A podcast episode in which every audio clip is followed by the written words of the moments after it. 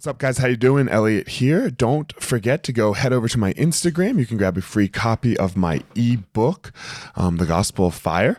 Um, it is. It will be an e format. E format, right? So uh, downloadable copy, so you can grab that go check out my webinar on developing your own mindset. Uh, that is also off of my Instagram uh, in the link in the bio.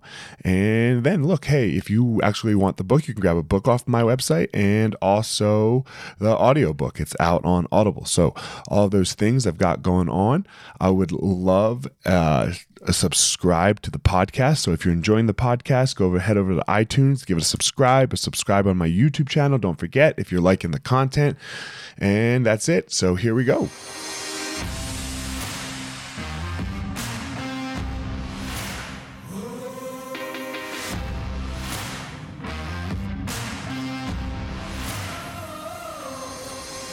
What's up, my ninjas? This is former UFC fighter Elliot Marshall, and this is the Gospel of Fire, where we are going to learn how to go into the fire so that we can find our power and live the best life possible.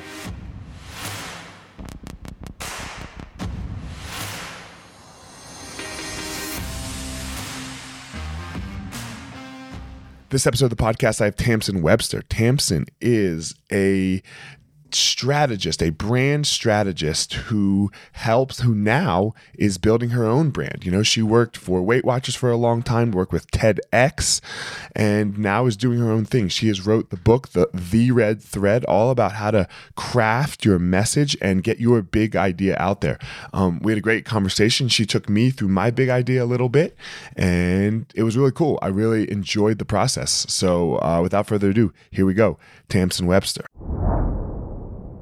Tamsen, how are you? I am well. How are you, Elliot? I'm doing really well. You we were just discussing you're in one of my favorite cities. It's a good city, is Boston. Yeah, yeah. I uh, yeah. I came up here for college and never really left. I went I went briefly to Dallas for three years for grad school, but then came on right on back and been here ever since. Where'd you go to college? Undergrad, I went to Boston University. Uh, oh, and my, my mom's gonna watch this one. That's where my mom went. Yeah, Terriers. Yeah, I was in both the School of Management and uh, what I believe is now known as the College of Arts and Sciences. In my day, it was the College of Liberal Arts, but um, yeah. And then for grad school, I went to Southern Methodist in Dallas. Okay, nice. What yeah. year did you graduate from undergrad? Oh gosh, I was I graduated in '95. So okay. tell me that's surprising. Little. You're a little older than me. We wouldn't have crossed paths. You're. I am level years. 47. I have leveled up to 47. Yeah. So I'm a big fan of ages as levels because that like that means that I have acquired additional like health and life power yeah. to be used to vanquish my enemies, which of which I have none. Well, that's good. Um, yeah. So uh, what was I just going to say? I, I say age is like a privilege. Old age is a privilege. Everyone doesn't right. get the privilege of getting old. So that's that's um, why I like to level up. Like I, you yeah. know, every birthday is a new level. So you're like, yeah, yeah. I, I'm at level whatever. So it's good. So we have something in common. You used to work for TEDx Cambridge. And last September, I did a TEDx. So I saw nice. that. So it was Palo yeah. Alto, something else. Palo, Palo Alto. Yeah, yeah, yeah. Nice yeah. So um, it was interesting for me because normally I, I feel like people speak, speak, speak, and then do a TED, right, or a TEDx. Hmm. It was the first time I've ever like public did a public speech like that before. It was my first ever prepared speech, so I was a little nervous, but uh, I think I did okay. Um, I'm sure you did.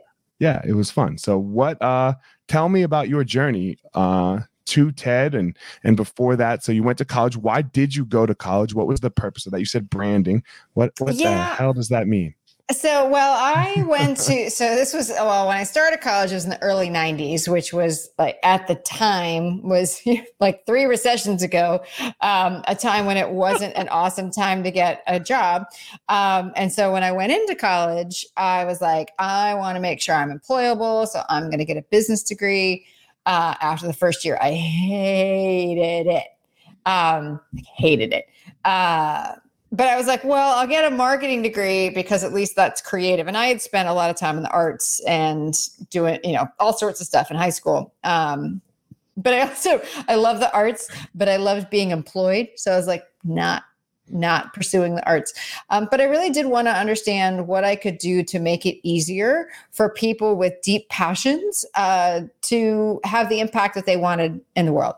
Um, I knew I didn't have the hustle to be a performing artist, um, but I knew people who did. And like it just seems so strange to me that it was like such a tough life. Um, and the various things that I did after school, um, I always kept, I was always drawn to people who had spent a lot of time researching a topic. So I, you know, when I was growing up, I thought I wanted to be an art museum director because, you know, doesn't everybody, you know, doctor, lawyer, art museum director? Sure. Um, but these are people who, you know, they they study things like in depth. And I worked at a performing arts college. And again, these are people who've just spent years and years and years. And then, you know, I ended up working, you know, with scientists and all of that. And I just, I just really loved that.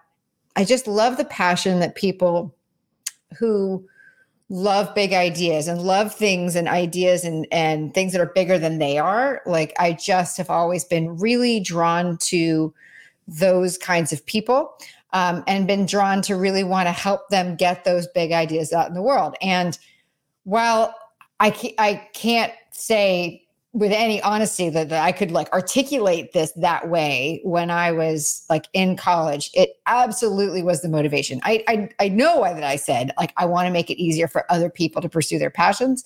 Um, I didn't know what path that would end up taking, but here's where it landed me, and I honestly I couldn't be happier. I mean, I think I've heard this phrase once upon a time that when you look back, the past is a straight line.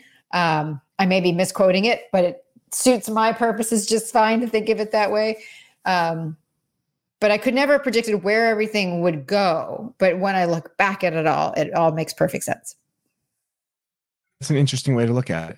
Yeah. Right. Because you know, hindsight is always twenty twenty. They say. That's right. Right. So yeah. Yeah. I, I, I get down with the idea of not regretting anything. So I try really hard not to regret things because when you regret things, I wish this would have been different. Well, that like puts you where you are today. Yeah. I'm super stoked with where I am today. And I guess I guess if you're not super stoked, then you regret things, right? Like Yeah. as you said, as you get Yeah. old, if you're not if you're not leveling up, if you you know, then Yeah. then maybe you do regret. Yeah, and I've I, I mean I'm with you, Elliot. I have tried to live my life with no regrets. Uh, if I had a theme song, it would be the Edith Piaf song that is like the theme song of Inception, like non je ne regrette rien, like no, I regret nothing. Um, and I think that's that's that has. It's not that I'm not. It's not, and I I think sometimes when people hear that, they're like, oh well, you just must be some kind of like jackass like or just like totally thoughtless about people and i would say that's the opposite um it's it really is much more of an awareness and acceptance of whoever whoever i was at the time. So that's only ever the standard i try to hold myself to which is still a pretty high standard which is did i make the best decision that i could given the information i had at the time? Because i think what happens when we regret things is that we we use like our current knowledge and our current understanding to judge what we did before but we didn't have that knowledge and that understanding before. Um you know and so you know are there times when i look back and i'm like you know that wasn't the best decision. You could have made given the information you had at the time. And those are the places where i try to note and learn for the future but i still don't regret that because I'm not somebody who looks for, you know, what is the over, you know, what is the meaning I'm supposed to find in this? And I look at as a much more active, what is the meaning I will take from this? Um, you know, what is the thing that I can do from this? And that's really how I've come to look at it. And I realize I never answered your question about Ted, but we can get there when you want. No, we'll get there. It's all good. I uh, look, it was like a, a filler question that got us here, right? I got no questions down here, right? So we have to figure That's something out. good. And like, I'm like, okay, where's an intro? there we go, Yeah. man. So, um, how did this? So this is a mindset thing, Mm. right? That that that is a mindset thing. What you that you're talking about there, like how you choose to see it. The the idea that nothing actually happens to me, it all happens for me, and that I get to learn from this. How did you? What what was the development of this mindset like? Because I don't believe anybody's born with it. I don't believe everyone is like, oh my god, yeah, it's like this is just i this is how it was made. You Yeah. developed it at some point. Where what was the developing process like? Yeah, I mean, I think um, so for 17 years, so from the age of about 16, 17 to the age of about 33, 34, um, I had a severe panic disorder. Um, like it was, I was medicated for it on, off and on, mostly off because it, for most of the years that I had it, I had like my body and those medications like didn't get along. I had bad side effects. And so I'd, like they put me on something I have to come off. And so I kind of had to learn like, so in a lot of ways, it's a really interesting experience to have to deal with something like a panic disorder and know that by and large, the medications for it are off the table. Because you, I was like, well, I just I can't take this huge class of medications that is typically used to treat this condition.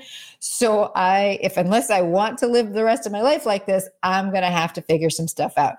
Um, and one of the things that really struck me and that I learned over the course of my panic disorder, and one of the things that really helped me get past and get through my panic disorder was the realization that, particularly for panic, this is not the case for all mental health situations, but I thought my way into it.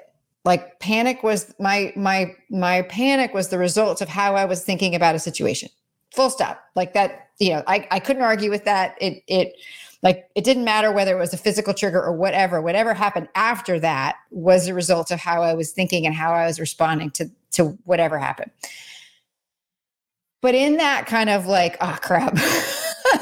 Like i'm at some at some level i'm doing this to myself. Was this realization well if i thought my way into it i can think my way out. And uh, that gave me a level of control of perceived control over something that up until that point felt very uncontrollable and out of control and something that was happening to me. And really, when I came to that understanding that it was really a thing that, yeah, I don't, I don't judge myself for it. There's a lot of perfectly good reasons why I got myself into those patterns of thinking.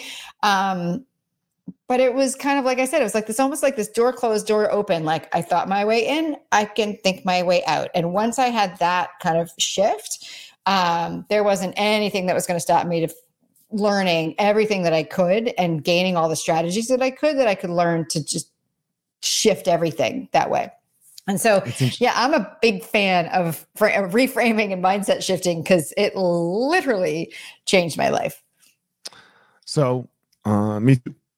Yeah, I, I don't I don't know if you know this about me. yeah, I have anxiety. I mean, I don't even like say I have anxiety. I experience anxiety. I'm a person who can experience super intense anxiety. Mm. I used to hate it, right? Like you used to yeah. hate it. Like, oh, come on, go away, go away, go away. Yeah.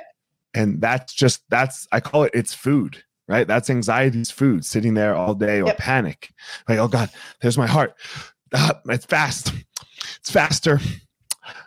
I bet you're gonna get lightheaded soon. Yep, I'm yep. like right, like yep. there, there, there, it is. There, there it is. There it is. Yep, exactly. yep. Great, just a, like I thought. Yeah, I'm a genius. I, I can see the future. right.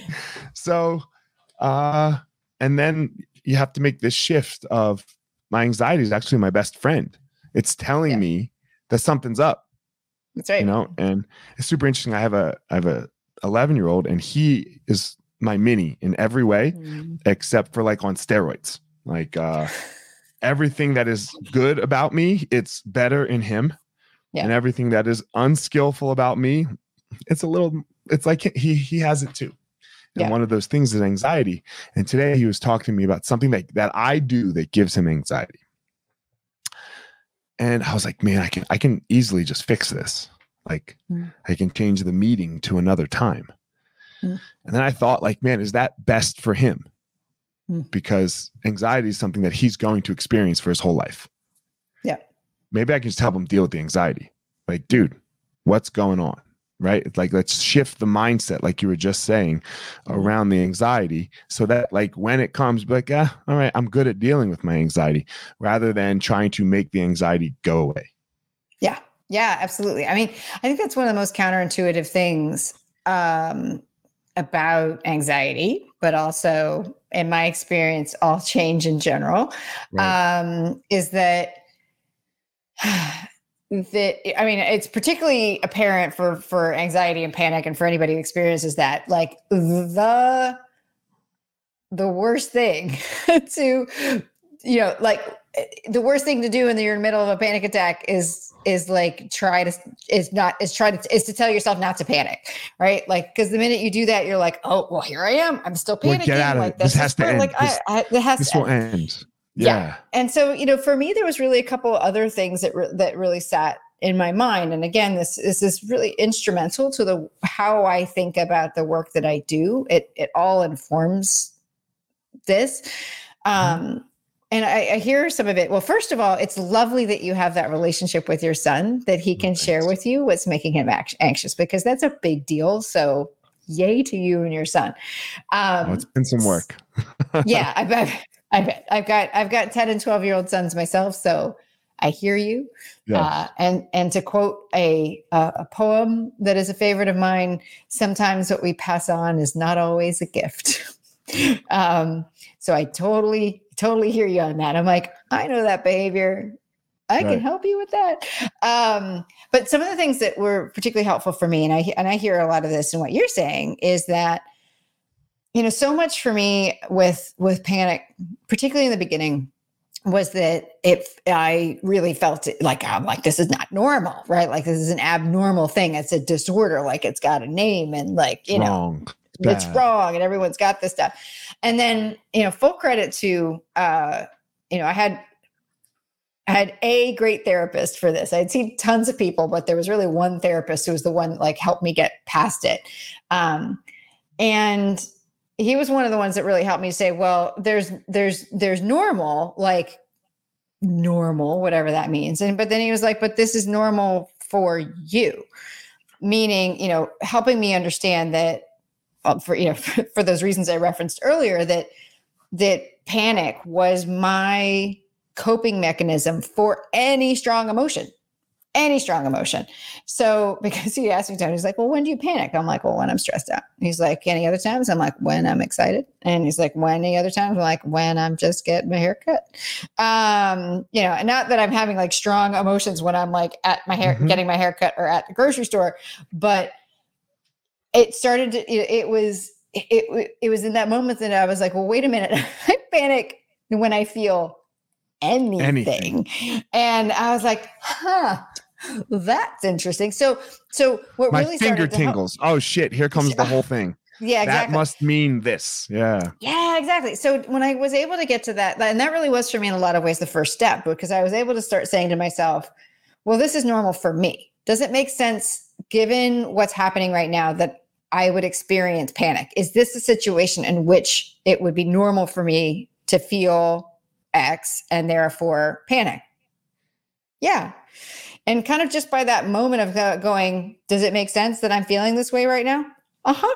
I've like not had enough to sleep, or this is a this is an uncomfortable situation, or you know, there's some unspoken stuff between me and this person, like, um, you know, or I don't feel like I'm feeling obligated to have to go grocery shopping right now, whatever it is. Um, then I was like, oh, okay. And then, you know, a little bit to what you were saying with your son, like the other mantra that really sat in my mind was, you know, the only way out is through.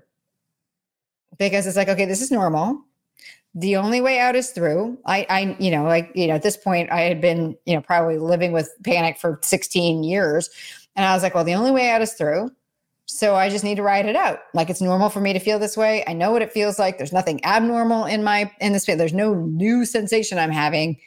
The only way out is through. Just Go ride it out. Yeah, Yeah, go go through. Um, Mhm. and and I I have to tell you that for me, and I know everyone's mileage may vary, um, that kind of set of thoughts of like, I thought my way in, I could think my way out. This is normal for me. The only way out is through. Um, and therefore, to consider myself my own safe place, because that was another realization. I'm like, it didn't matter where I was, there was no place where I was free of panic.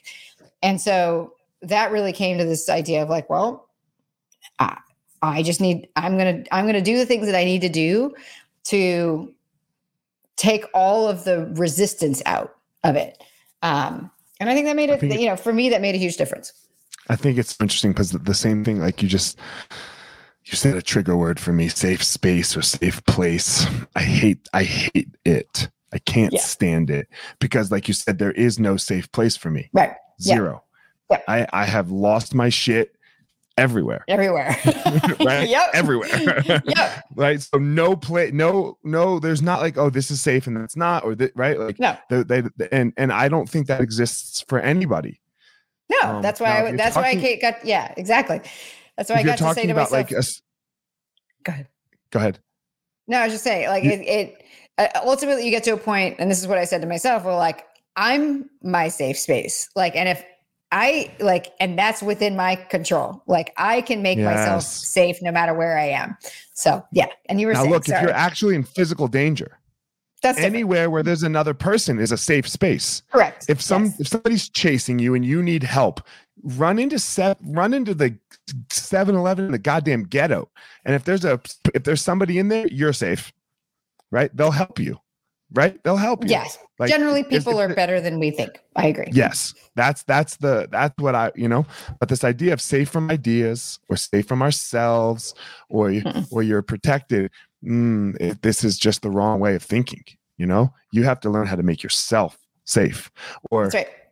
or anti-fragile right you you have to learn Yeah. how to make yourself like oh that's just an idea it doesn't hurt me right like That's it's, right. it's an idea you know so um now if that if the idea is violence towards you again something totally different so That- correct. Yeah, yeah.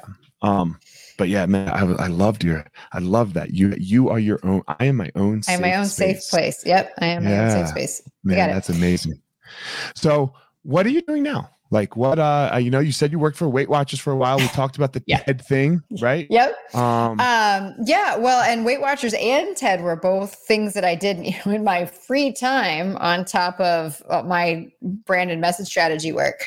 Uh, but now what I do, um, my it sounds like a joke, but it's actually serious. The way I describe myself is that I'm an English to English translator, uh, meaning uh, that I work with experts to help them make their ideas irresistible to the folks who need those ideas the most.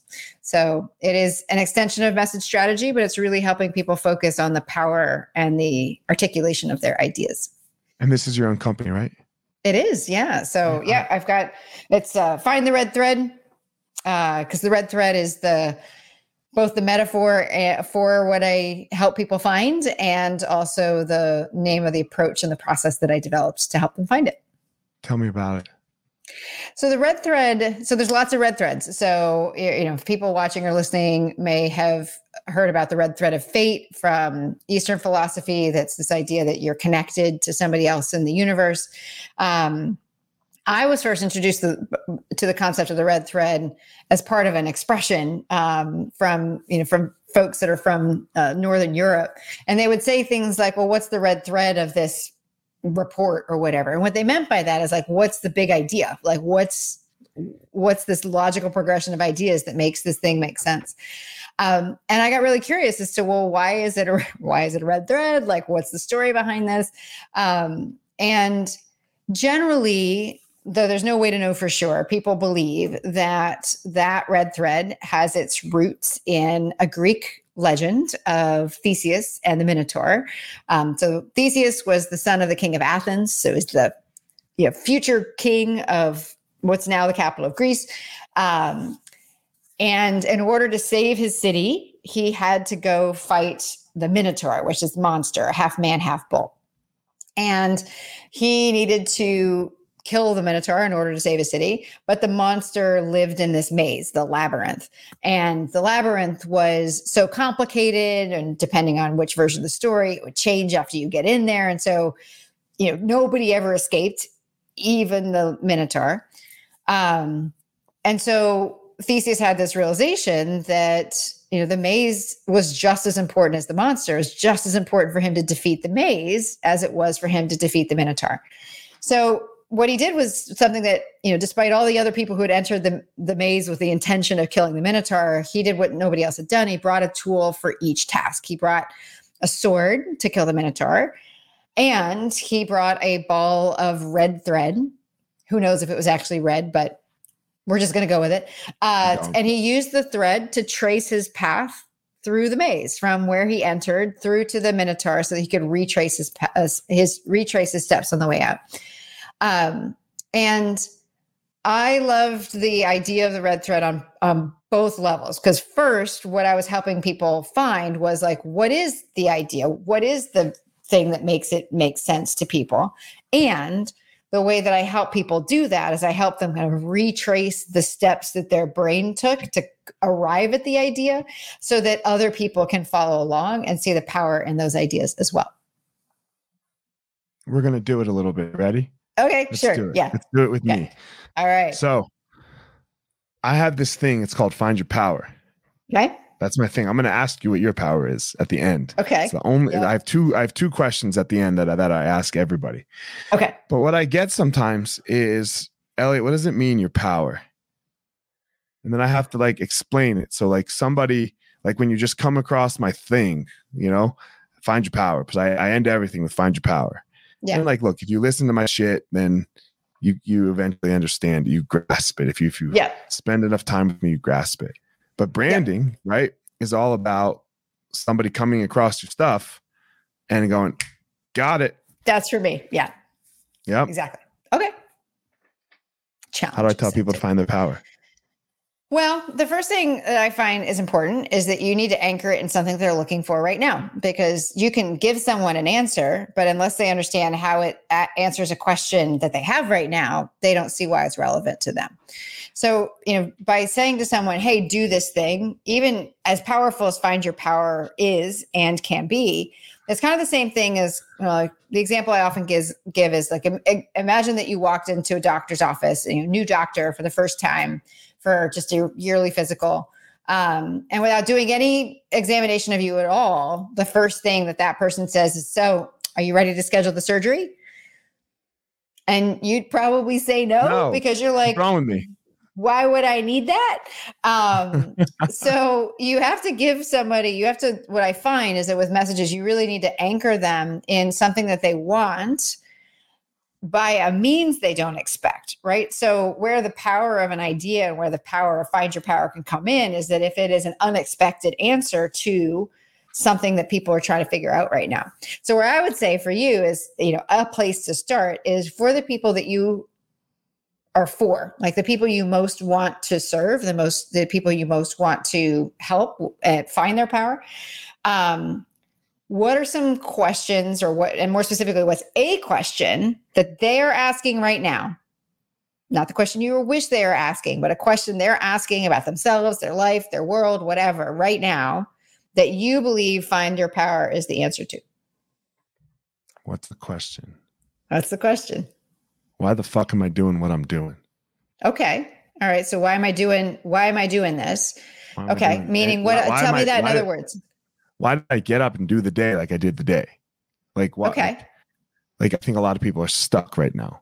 Okay. Example. So how do I get unstuck? How do I get unstuck? Like, yeah, I have a job. Sure. You know, it sucks. Uh, I have a wife, you know, it's fine. I have two kids. It's fine. You know? Yeah. But it's not um, great.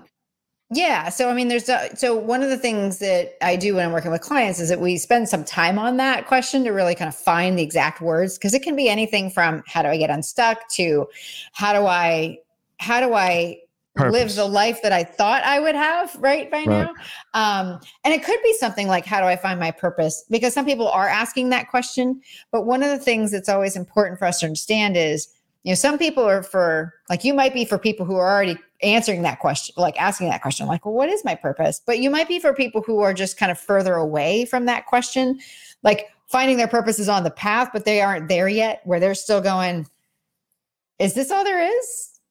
Like, I did all I did all the like I checked all the boxes. Like, why didn't why am I not why does it not feel like I got an A on this test? Right. Like I I did all the things right. Like so, I think that's a lot of people's problem right now, right? Is that is you know they went to college they did all these things like i think that's why we're part of the reason why we're seeing all this division in the world is because you have a lot of people that did what they were quote unquote supposed to do and yeah. it's not working out. Right. Yeah. So that would be the kind of the next place is like once you figure out what the question is let's just say for now like how do i get unstuck? Right. um the next thing to figure out so that's what i call the goal not your goal it's their goal because their goal they're they're only going to pay attention to something yeah. that if you can say hey here's the thing that i want i have this goal right. answer this question and you're like i can help you answer this question they're going to lean in and they're like tell me more because I want the answer to that question. I don't have it yet. So let's just say, for argument's sake, for now, it's like, how do sure. I get unstuck? So the next thing we need to establish, because what the red thread does, this the steps that we are retracing, is really the story that your brain built to connect for you that question, how do I get unstuck with find your power? Like your brain built a story to connect those two things. You're like, well, if if you're in the situation of finding unstuck, if you're if you're asking how do I find my purpose, if you're figuring if you're asking you know, is this all there is? Your brain goes, the answer is find your power. But there are steps in between, right? Because the story doesn't go, hey, there's a dead body in the library, the butler did it. Like that's not the story, right? Um, so, what we need to find next is once we have that goal, which is where the action of a story starts, as soon as we know what somebody wants, like, and they don't have it yet, the next big thing is is a problem, right? There's a problem. There's a real problem that's getting in the way, and so this is a place for you to think, Elliot, about. All right, when people are looking at this, you know, they're trying to get unstuck for themselves what lens are they lo- using to look at that problem? In other words, how are they looking at getting unstuck that's actually keeping them stuck? So you were thinking you talked a little bit about checklists, but tell me a little bit more about that and then contrast that. What we're going to do is contrast that with where you think they where you think they need to look instead. So how are they looking at it now? How do you want them to look at it? It's your fault. It's your fault I'm stuck. Okay. Okay. Somebody else's fault. It's the man, the government, this mask, whatever. Something outside okay. of their control. How do I want them so, to look at it? Yeah. Everything is my fault. There's nothing in my life that is not my fault. Okay. All right. So so a way to think about that. So I talk about this as a problem pair, like it's a two-part problem. It is mm-hmm. however they're looking at it now contrasted with another way they could look at it and that they would agree they could. Right? So you could say when looking for that answer, how do you, uh, to how do I get unstuck? You're often focused on kind of your external circumstances, the circumstances all around you, more than on right your internal responsibility, right, or something like doing. that. Yeah, yeah, exactly. Um, right. So you could say you're focused more on your environment than your actions. Let's right. say like I, and that's what i'm always trying to do with yeah, folks is just, get it yeah. so we can get it down to like a single like a pair of words or a pair of uh, you know, a pair of words or a pair of short phrases. So let's just say for now it's, you know, environment over action. Like they're looking at the environment more than their own actions. Okay. Now to to the, really there's one more step. Oh, thanks. There's one more step. There's one more step between how do I get unstuck and find your power. And that is what most messages miss, by the way. Um, but every great story has so every great story has what is often called the moment of truth. It is the moment where, like, the main character has a realization about the true nature of either themselves or the world or the circumstances. And so, what we're looking for here is something that your audience can't argue with that explains why paying attention only to external circumstances or or ignoring their internal actions is going to keep them from being unstuck. So we're looking for something where you're like why is this such a problem? So let me give you a broad example like because and then we can come back to you. But my favorite example of this kind of phrase is the De Beers diamond tagline, a diamond is forever. Okay, because let's reconstruct this. I can tell the whole story, but just the quick version is that prior to 1947, when this tagline was introduced, diamond rings were not common. I think we can all agree they're super common now. Um, and that most people, most heteronormative couples at least, would not, you know, th- that a diamond is in heavy consideration uh, as an engagement ring as a result of that tagline. But that was not the case prior to the tagline coming out. But if we look at these elements of the story, it goes like this that, you know, back in the 30s and 40s, you know, as now, people want the best symbol of their commitment, right? When they're thinking we're getting engaged, we want to symbolize that, we want to show that to the world. What's the best symbol? Well, prior to 1947, people considered the ring to be the symbol, this unbroken circle uh, with no beginning, no end. The ring was forever itself. The ring was forever. The circle was forever. Um, but De Beers was like, but we can get, what if we could get them to focus on the kind of ring? So ring, kind of ring. That's the problem pair. Like goal, what's the best symbol of our commitment? Problem pair, ring, current perspective, kind of ring, new perspective. Enter this moment of truth, which is created and engineered by this tagline, a diamond is forever. Now think about this. Most people would agree that that is a literal true statement like that a diamond is a very difficult thing to destroy. They last a long time. Most people would go, it's literally true. But what happens in the context of we want the best sim, you know, best symbol of our commitment, and I've only been focused on the ring as the symbol so far. As soon as you hear something like a diamond is forever, you're like, uh oh. Because if you believe a diamond is literally forever, most people would accept that as true. And you want the best symbol, it becomes really hard to go, well, I'm just not going to pay attention to this new piece of information in my mind that I believe. You're not going to say, well, honey, like the stats aren't good. We're just going to go for amethyst. You're going to be like, if I want the best symbol and I could have a forever diamond on top of a forever circle, well, now we're like extra forever. Oh, I doubled down. You double down. That's right. And so that and that shifted it. And then so the big change in thinking or behavior that came after that was to see the stone as the symbol too not just the ring so what we're looking for in that truth statement and it's sometimes it's not a quick it's not a quick find so i'll worry, warn you about the elliot but it's going to be something that sounds like a proverb like it sounds like a true saying because and people will believe you know would agree that it's true. It needs to be something that they would agree is true outside of you know by, either by their own expertise or the, by their own intuition or by their own exper- experience. And so i usually like to start with proverbs is like seeing is believing or what's good for the goose is good for the gander or things like that. As or the only way out is through. Um, uh, or i am my own safe place. Those are also right. examples of truth statements. Um, so that's what we're looking for. So now we're looking in the context how do i get unstuck? Focusing more on the environment than our actions, our own individual actions. And yet we can all agree it's true that what, Elliot? I mean, everyone doesn't agree with me, but. but so tell me, well, well you need to tell what me I want to say. That, what I want to say. Yeah. This is what I want to say. Yeah. You are your own savior. Okay. Why?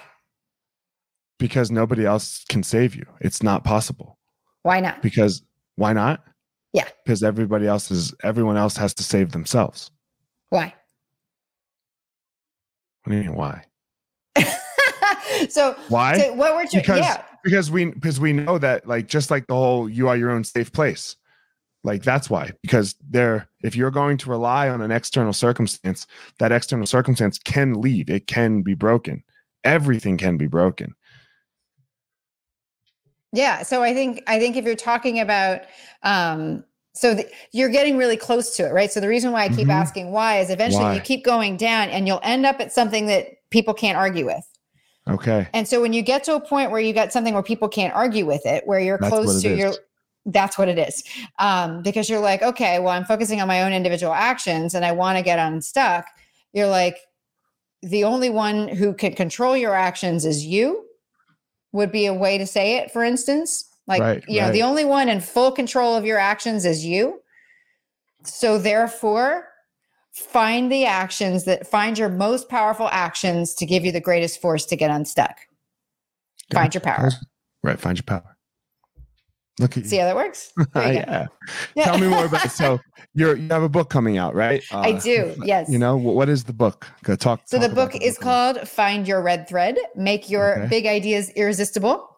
Uh, and it is the step-by-step guide to exactly what we just did. So right. um, I wrote it to be uh, as close to the experience of working with me one-on-one as possible. Uh, I remember talking to my publisher, and I was like, I want people to feel like they've got Tamsen in their pocket. Like it's like I want the book to be their pocket Tamsen, um, to really help people who serve an idea that is bigger than they are m- make sure that they have found like just the most irresistible, the most inarguable, the strongest possible case for that idea so that they can build everything they want and need to on it. And that's what the book is all about. And that's who it's for. Why'd you write it? I wrote it uh, kind of going back to what we were talking about before um, with see like wanting to make it easier for people with deep passions to have the impact that they wanted on the world. And you know what why i saw is that a big deal to you? Um probably because there are plenty of times in my life where i either didn't feel hurt like i felt like i knew the right answer and i and i and i knew that there was a or i felt at the time accurate or not that I didn't get the power of it across because I'm someone who believes that, you know, if if there's a failure of communication, the if the idea was important enough, then the failure was on my end. Like if you know, and there are of course, based on what we were also talking about earlier, there is a point at which I'm go, I did everything I possibly could to get that across, and if it didn't get across, all right, now I'm sanguine about it. Um, but I, that was one reason. Another reason I wrote the book is because I hate a blank page or a blinking cursor on a blank page. Um, and I hate the feeling of someone in which I experienced a lot growing up and in school and whatever, and early, you know, early days of of work, um, of someone asking me a question and my not having a, a, a good cohesive answer or a way to think about that answer, um, or a way to fill that blank page that wasn't like totally overwhelming to me. Um, and and I'd say that the, the the last reason why it was important for me to write it, why why I wrote it, was that I don't think anyone you know, words are always a poor proxy for big beautiful ideas but they are but it when it is a when there is a way which i now know there to be to reliably articulate the power of a big idea. I didn't want anyone not to have that power in their hands. And there was there's there's too many ideas for me to uh, get hold of like that I just wanted to be I wanted people to be able to do that. Like there's only one of me. I can only work with so many people one on one. Um and I just wanted to make sure that it that it wasn't the lack of a that if they if someone was looking for that answer that that answer was out there for them. And that's why I wrote it. I really like that last one, especially. Yeah. Like, oh, thanks. You, it's just, it's, it really is important to me. Like big ideas are important to me. Um, you know, and, and, you know, as you asked about, it's, uh, I think I think we've all experienced times in our lives, and I know that was particularly true like early in my career, where I was like, I knew I knew the right answer to something, and whether because of an experience or whatever, a lot of times it just came down to the fact I just simply couldn't articulate why I knew something was the right answer as the reason why it wasn't adopted or accepted. And that, you know, to be quite honest, is an infuriating feeling um, because there's this combination of like, I didn't serve the ideal well by not being able to do that. And I just don't want anybody else to have to feel that way um, when the answer is knowable and communicatable um, and now thanks to the book out there so let's bring on That's those really ideas amazing. yeah no amazing um, as we close here the i told you two questions i always ask. Yes. um, one i'm no uh, brene brown joe rogan tim ferriss name all the other hundred podcasts that are amazing. Um, why? Why why why? And it, it, like you know we we probably don't share the same audience i i would assume you know? Yeah. um why why do my show what what made you say yes? Because you you speak i mean not just literally to the power behind people but to what ignites them and what fuels them and what drives them forward. And great ideas need that power behind them right? You can give something a path you can you can draw out the root but there has to be force and power behind something in order to move.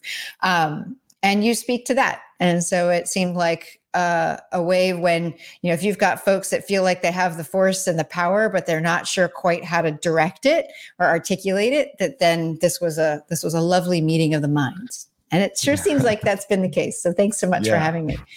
No thank you. Um my last question and it's the same last question as always I believe everyone has a unique power in the world. I believe they there's something in them that makes them amazing, that they go out and they share with the world. Hopefully, they hopefully they discover it and are able to share it with the world. It doesn't have to be what makes you rich or famous or anything like that. Um, what's your power? I make things make sense. You make sense. Ah, I like it. Explain it a little more. Make things make sense. You make um, things make sense. I make things make sense. I uh, I really found even back, I can remember. Um, I don't really know when. I mean, I think the one of the first times I actually remember like going, "Oh my gosh, I this is an unusual thing that I do." Um, was in grad school, uh, but I've just I, there have been moments where increasingly over my life I was like, "Huh." It seems like I can explain things or find ways to explain things to people. Again, this was a you know this was not where it started, but this was a process of figuring it out in ways that that they have insights about it that they didn't before. Like I I seem to be able to create those moments of truth. So I think that's a probably a, even a more powerful way to say it is that I'm I I I can engineer moments of truth for people. Um, but the reason why I remember, you know, the one instance that I really remember it was was in grad school and it was a class on I think organizational behavior. And you know, in in organizational behavior, there's this idea that's known as groupthink, which is what can happen when a group of people like come up with a worse answer than they would individually. Um, and we were doing this exercise where we were divided into two groups and we were given this data, and it was about a race car you know, about whether or not to send out this race car, you know, on this particular day because there was something about, you know, the about how the tires, there was some evidence of the tires failing at certain temperatures. And I remember, and this is one of those uh, times where I was like, I didn't really have the the expertise then that I do now, but I remember being like adamant. And I remember, I just remember seeing something in the data and I said, I look at what it says. It says every time every time the temperature falls below this line, the tires fail. Every time. Like, and it wasn't obvious from where the way the data was presented, but I was like, and that's, I said that to people, and they're like, yep, you're right. We're not going to send the car. And I remember right after that, the professor said to me, she's like, A, no group has ever voted not to send the car. And B, that's the Challenger explosion case. Like it was basically it was the same data as what was presented to the team that decided to send the Challenger that exploded, the space shuttle Challenger that exploded. There's just, but it was just masked to look like a race car and something like that. And I was like, huh. "Holy fuck!" I was like, "Well, then so maybe there's a thing." Yeah, it was so obvious to me. And I was like, every time, but but the that was that moment where I was like, I was I was fighting, I was fighting it, I was fighting because I was like, there was something in me that was like, no, no, we can't do this, we can't send it. And and like I finally was able to pop out that phrase, which was clear, right? I was like, look at what it says. Every time the temperature b- drops below this line, the tires fail, which is the same thing as every time the temperature dropped, like the O-ring failed. Um, and then as soon as the people heard that, they were like, look the data, you're right. We're not going to send the car. Um, and that was re- that really stuck out in my mind. And that's really the first time I was like, okay, this is something I can do.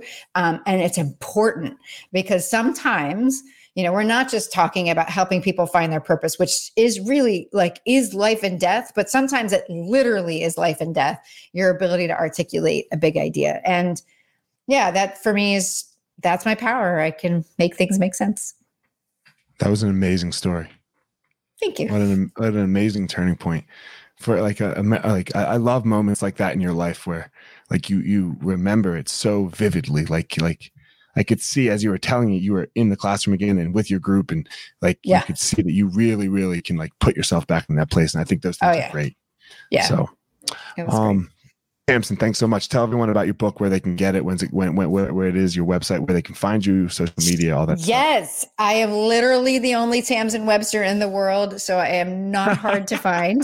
Um, so honestly, it's like just Google it. It's really uh, you can find me.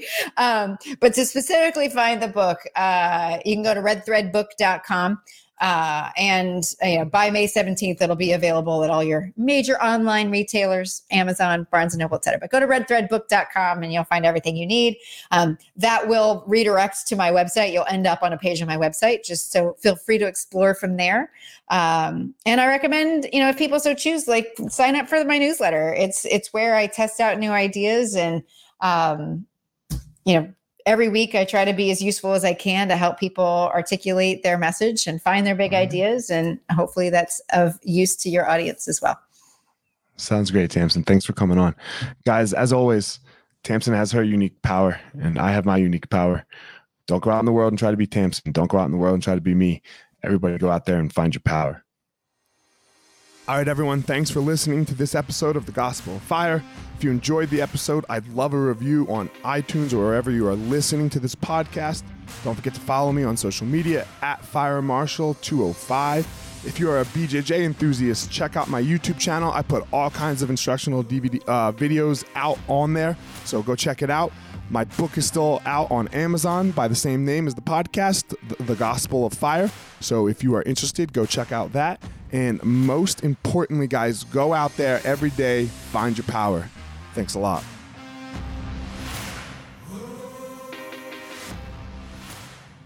Guys, look, I get it. I totally get it. You opened a martial arts school, and man, it's kind of crushing you. There's all this other stuff to do other than teach, right? You love teaching. You love jujitsu. You love Muay Thai. You love karate. Whatever it is you're you're teaching. And man, but there's all this other stuff. There's there's the front desk. There's there's taxes. There's curriculum. There's cleaning. There's there's problems, staffing, covering. Whew, man, it's so much. It's so much. Well, let me tell you, uh, we have started what's called Easton Online, and Easton Online is here to solve all of these problems for you. Easton Online is a digital academy for martial arts school owners and managers will help you establish or enhance your business with best practices. Most importantly, we're to help you get back to what it is that you love most teaching and doing martial arts.